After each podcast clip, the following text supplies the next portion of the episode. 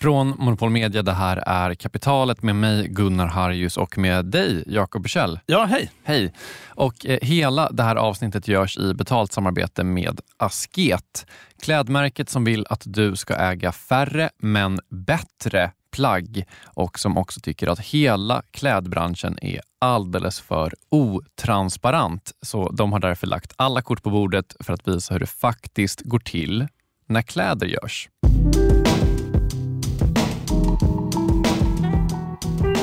En sak vi gillar att göra här i Kapitalet, det är ju att ta en liten, till synes ganska enkel sak och sen berätta om något större, säga, liksom genom den. Säga. Mm.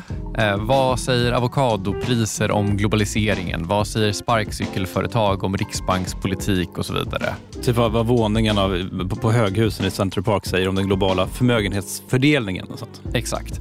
Och idag ska vi kolla på någonting väldigt enkelt, eller någonting som jag i alla fall trodde var väldigt enkelt och något som jag tror att alla människor har en ganska stark relation till, helt ärligt utan att någonsin tänka på vad det säger om hur världen fungerar. Vi ska kolla på t-shirten. T-shirten. T-shirten. För t-shirten är för många verkligen bara en t-shirt. En grej man har ett gäng av hemma som man slänger när man får hål i eller när en söm går eller när det kommer liksom någon fläck som man inte får bort i tvätten. Och den bilden av t-shirten hade jag också. Tills jag pratade med August Bard Bringeus. Ja men precis, vad, vad är en t-shirt? Jag tror gemene man reflekterar nog inte ett dugg över vad en t-shirt är när man står där i butiken och väljer mellan två eh, eller gör sin research. För några år sedan hade August och hans kompis Jakob Dvorsky ett problem som var att de inte kunde hitta någon riktigt bra t-shirt till ett vettigt pris. Så Jakob och August grundade Asket. Ett klädbolag som, bland mycket annat ska sägas, tänker väldigt mycket på t-shirtar och tänker på dem på ett annat sätt än vad andra gör.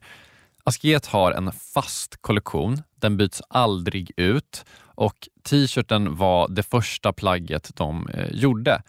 De har liksom verkligen, verkligen gått till botten med vad en t-shirt är och hur den ska göras. Så när du ser en t-shirt, Jakob, då ser du en t-shirt. Mm. När August och Jakob ser en t-shirt, då ser de något helt annat. I grund och botten så är en t-shirt en produkt av olika typer av inputs. Ehm, det är eh, lantbruk i princip. Det är odling av bomull. Sen så är det liksom ingenjörskap och eh, maskineri. Och sen så är det ju arbete. Eh, så det är naturresurser och det är energi och det är mänskliga resurser som går in i att skapa en t-shirt i princip. Så idag är det de här sakerna vi ska gå igenom. Hur gör man en t-shirt? Och lite mer specifikt, hur gör Asket sina t-shirtar och hur skiljer det sig från de slit och släng t-shirtar som de flesta kanske förknippar med ordet t-shirt? Och det här kommer att förklara saker om arbete och ingenjörskap och jordbruk och sånt. Precis, men det kommer också säga någonting om andra saker också, tror jag. Och så här, det finns ju såklart olika sorters t-shirtar. Det finns bra, det finns dåliga, det finns de som håller länge, det finns de som inte håller alls. Det finns billiga och så finns det dyra. Och Askets mål det är ju då att göra en bra t-shirt som du kommer kunna ha länge. De vill liksom komma bort från den här slit och släng-grejen. De vill liksom göra the t-shirt, alltså tishan med stort T. Och De vill också att man ska förstå vad det betyder. Alltså vad är skillnaden mellan the t-shirt och en t-shirt? Alltså vad som skiljer deras t-shirt från någonting som man kan köpa för 99 kronor.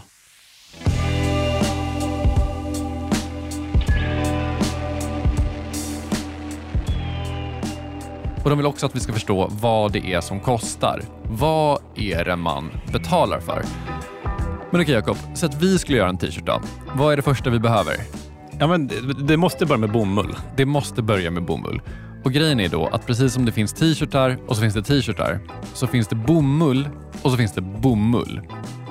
Det finns ju en oändlig mängd olika kvaliteter, um, produktionsländer, produktionssätt av bomull.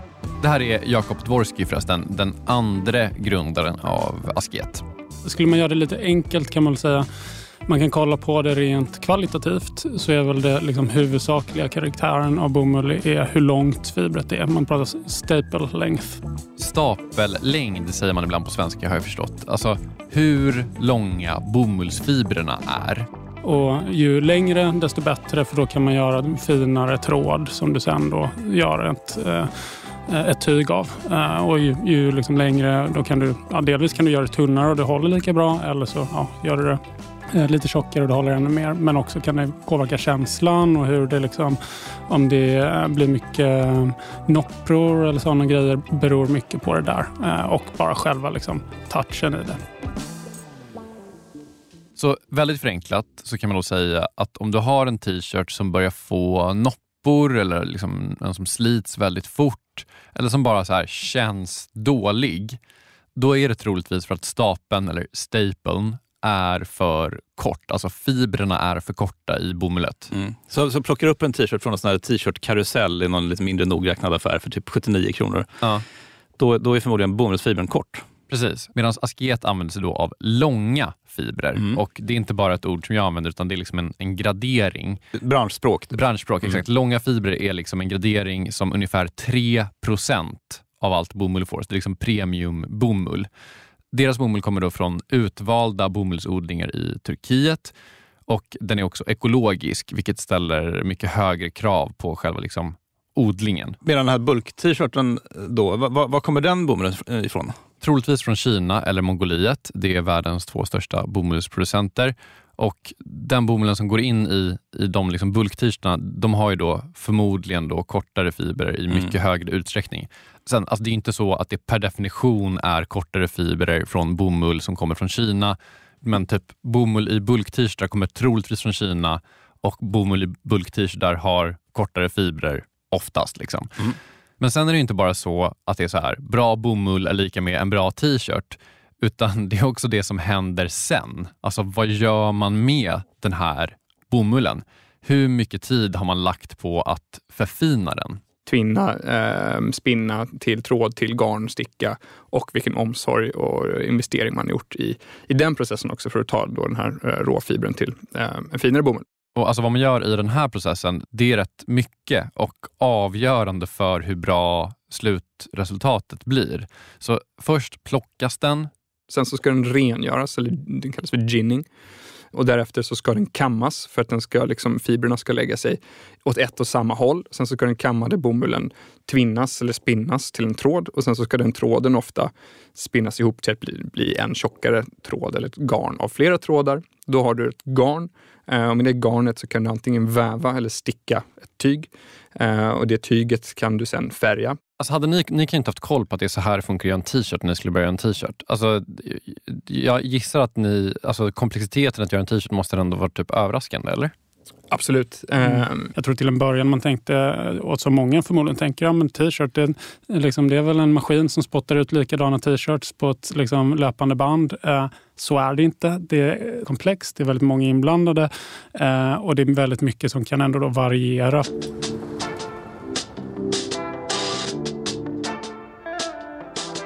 Alltså det är så mycket som man inte tänker på med det här. Det kan liksom vara så att det typ regnade lite mindre i Turkiet i år så därför måste man ändra om lite i liksom själva mönstret på t-shirten, alltså hur man klipper den typ. För att den kommer kanske krympa lite mer när man tvättar den. För att det, alltså, nu har jag hittat på det här exemplet, men du fattar, det är liksom en miljon grejer som går in i det här. Ja, just det. Men, men om du då säljer de här 79 kronors tröjorna så då gör man kanske inte den förändringen för det finns inte en marginal för det. Nej, precis. Alltså, bulk-t-shirt-gänget de förtvättar inte ens sina t-shirtar så att de vet inte om den kommer krympa eller inte eller om den kommer vrida sig när man tvättar den. Så det är en sån pet peeve som jag förstår att många i branschen, till exempel Jakob och August, har. Ja, men det är ju hemskt. Ja, det är hemskt. Ja.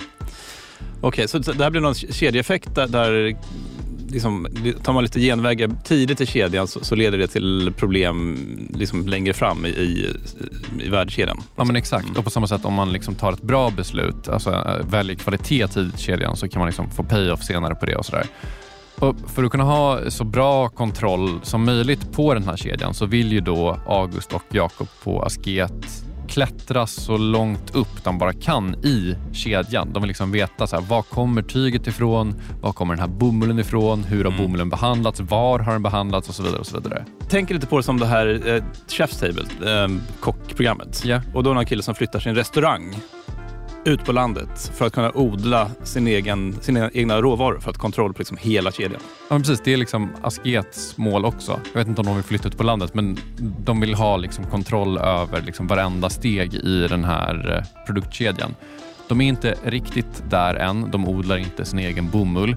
Men vad gäller spårbarhet och sånt så har de kommit längre än typ någon annan.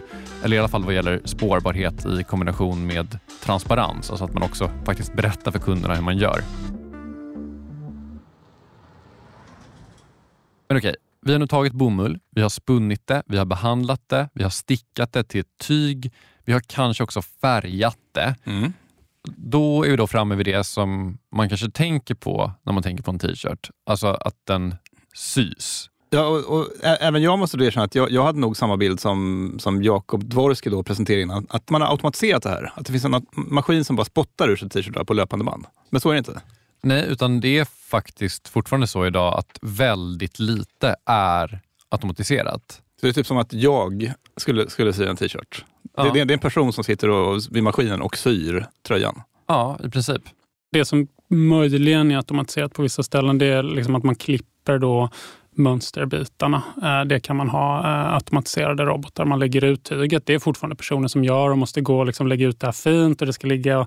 Men så fort man har det och det ska sys eh, så skulle jag säga att näst, ja, jag har aldrig sett någon automatisering, någon större grej där. Det finns vissa maskiner som till exempel kan sy på en knapp utan att du behöver gå in och ut med tråden själv. Men då är det ändå någon som sitter vid den maskinen. Och liksom, merparten av sömnaden är, är fortfarande supermanuell. Mm. Så vad är det man kan spara pengar på då? Nej, men inom sömnaden så man kan ju optimera den till, i olika utsträckning såklart. Så om vi tar skillnaden mot att du skulle sy en t-shirt så... Eh, Det skulle ta två dygn. Typ. då sitter du och gör alla olika moment och sådär, bortsett från att du måste liksom lära dig hur du gör. Eh, utgår från att du inte kan sy. Eh, det kanske var fel. Du, du, du är nära sanningen i alla fall. Ja, men, eh, men så i en produktionslina som det då heter, en sömnadslina vid en fabrik, då sitter ju, vilket man också måste ha med sig, eh, sömmerskorna på rad och så har man specialiserat sig på en grej, ett moment som man i princip gör dag in, dag ut. Eh, I ett bra fall så byter man lite och skapar fall. viss variation. Men, eh, Sant. Man byter, man varierar, men i princip sitter du då under långa eh, sjok av tid och gör samma moment. Det vill säga, det kan vara att du bara syr en sidosöm, alltså den som går från botten av din t-shirt till din armhåla. Men okej, hur kan det då uppstå skillnader i, eh, i det här? Det är ju många olika eh, aspekter av det. Inom den här sömnaden så är ju löner en väldigt, väldigt stor del. Så det beror ju på var man producerar, eh, vad det är för typ av löner man betalar eh, de här arbetena. Eh, det beror på hur mycket tid man väljer att lägga på varje moment också. Ett kvalitetstecken på en t-shirt är till exempel hur många stygn du sätter per centimeter. Ju fler stygn, ju tätare, desto liksom mer slitstarkt blir det här. Att det går inte upp i sömmarna. Och det tar ju extra tid. Och då tid gånger, peng, gånger lön, det är ju liksom ekvationen för lönekostnaden eller arbetskostnaden. Och eh, Askets t-shirtar, de sys då i eh, Portugal. Vilket jag då lite fördomsfullt tänker är bättre än Kina. Ja, alltså det är ju bättre på sättet att det finns lagar i Portugal kring typ så um, minimilön och arbetsvillkor och sånt där som Mm. det inte finns i många andra länder som producerar mycket kläder. Alltså eh, minimilönen i Portugal är ungefär tio gånger högre än vad den är i Bangladesh där det sys eh, väldigt mycket t-shirtar. Just det, så, så att om man inte betalar själv så, så är det någon annan som, som betalar. Ja, det är ju liksom en tumregel i ekonomi i, i, i stort kan man ju säga. Sen rent kvalitetsmässigt så kan ju en t-shirt som är sydd någon annanstans vara lika bra som en som är sydd i Portugal. Men om du köper en t-shirt med Made in China på lappen så är det betydligt troligare att den inte är gjord i en fabrik med samma typ av maskiner och kvalitetskontroll och sådär som de som Asket använder.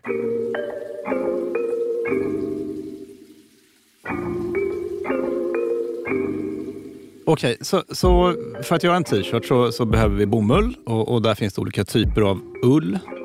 Och den ska då behandlas och så finns det olika typer av behandlingar som skapar olika typer av tyg och sen ska man sy det här. Och så finns det såklart olika bra sydda t-shirtar. Ja, precis. Lite förenklat så är det de olika steg som finns för att göra en t-shirt.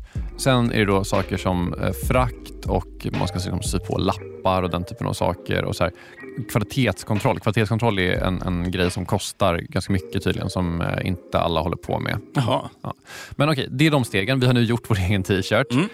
Och alltså, förutom att vara en bra illustration av hur otroligt många saker som man liksom inte förstår när det kommer till ganska vardagliga ting. Alltså t-shirt är väl typ så här, den vanligaste saken jag äger känns det som. Mm. Så är ju det här också typ en illustration av hur otroligt långt bort vi har kommit från våra varor och så här, sakerna vi äger.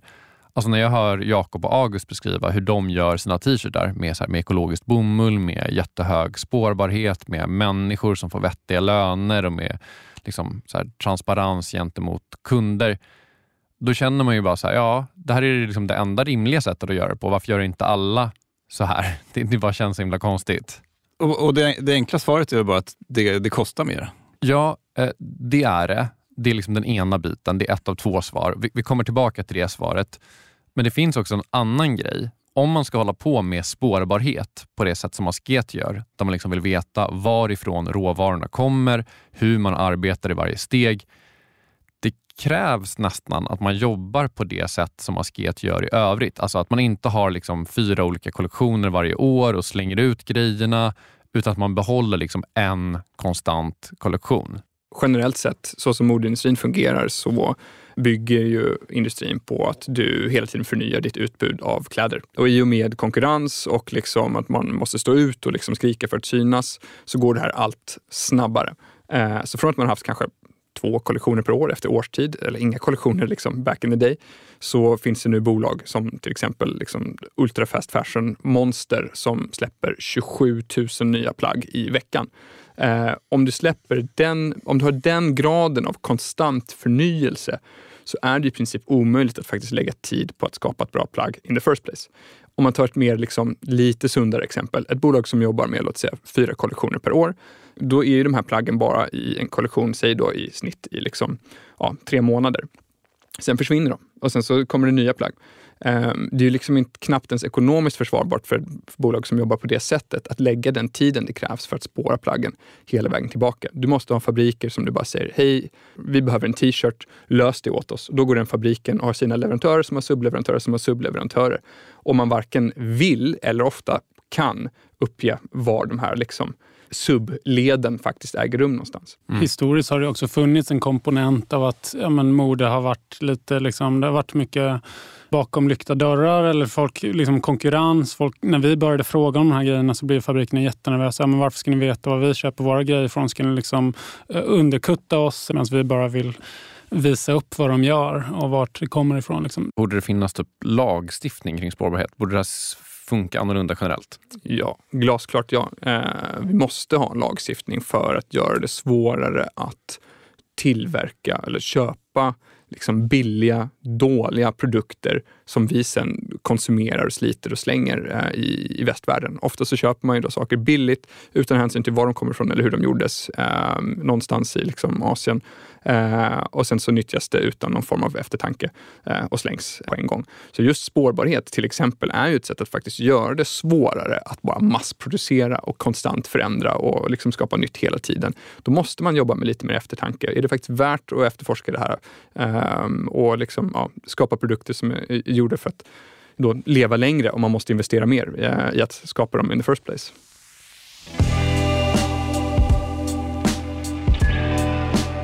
Så det här med spårbarhet är då en anledning till att alla inte jobbar så här.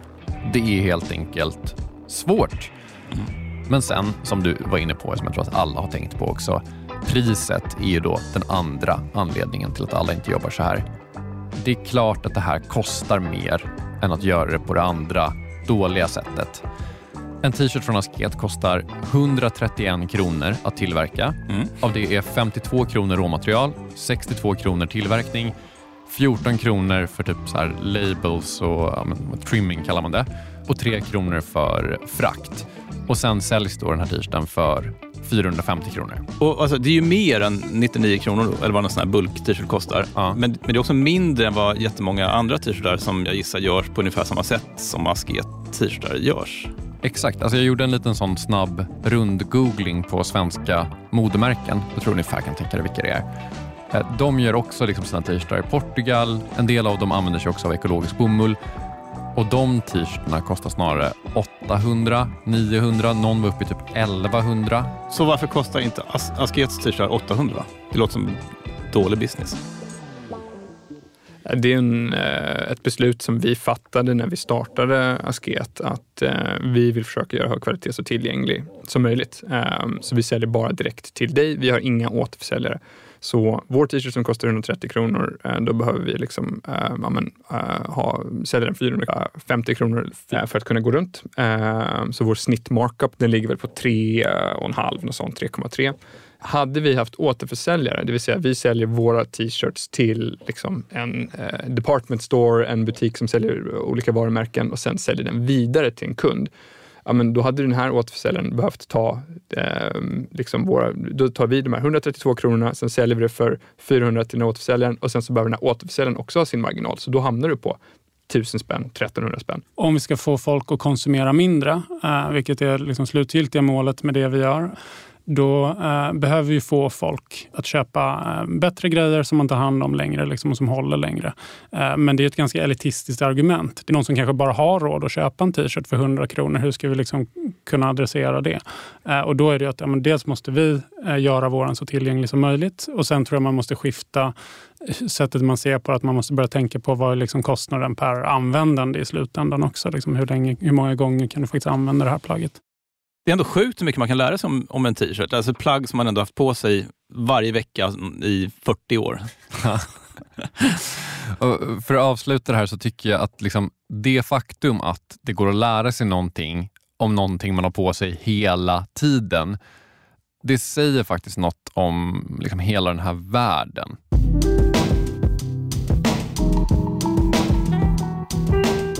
Generellt sett så säger ju det att vi tar extremt mycket som vi liksom har idag i materiella ting eh, för givet. Eh, vi reflekterar inte över det faktum att vi i Sverige köper 14 kilo nya kläder per år och sen slänger åtta. Tänker inte på var det faktiskt kommer ifrån, hur det påverkar de som har odlat bomullen, hur påverkar det landet, liksom marken och eh, biologiska mångfalden och eh, ja, vattentillgången. Eh, det har blivit så pass billigt att köpa kläder idag, alltså att det är faktiskt billigare att köpa nytt än att reparera det vi har.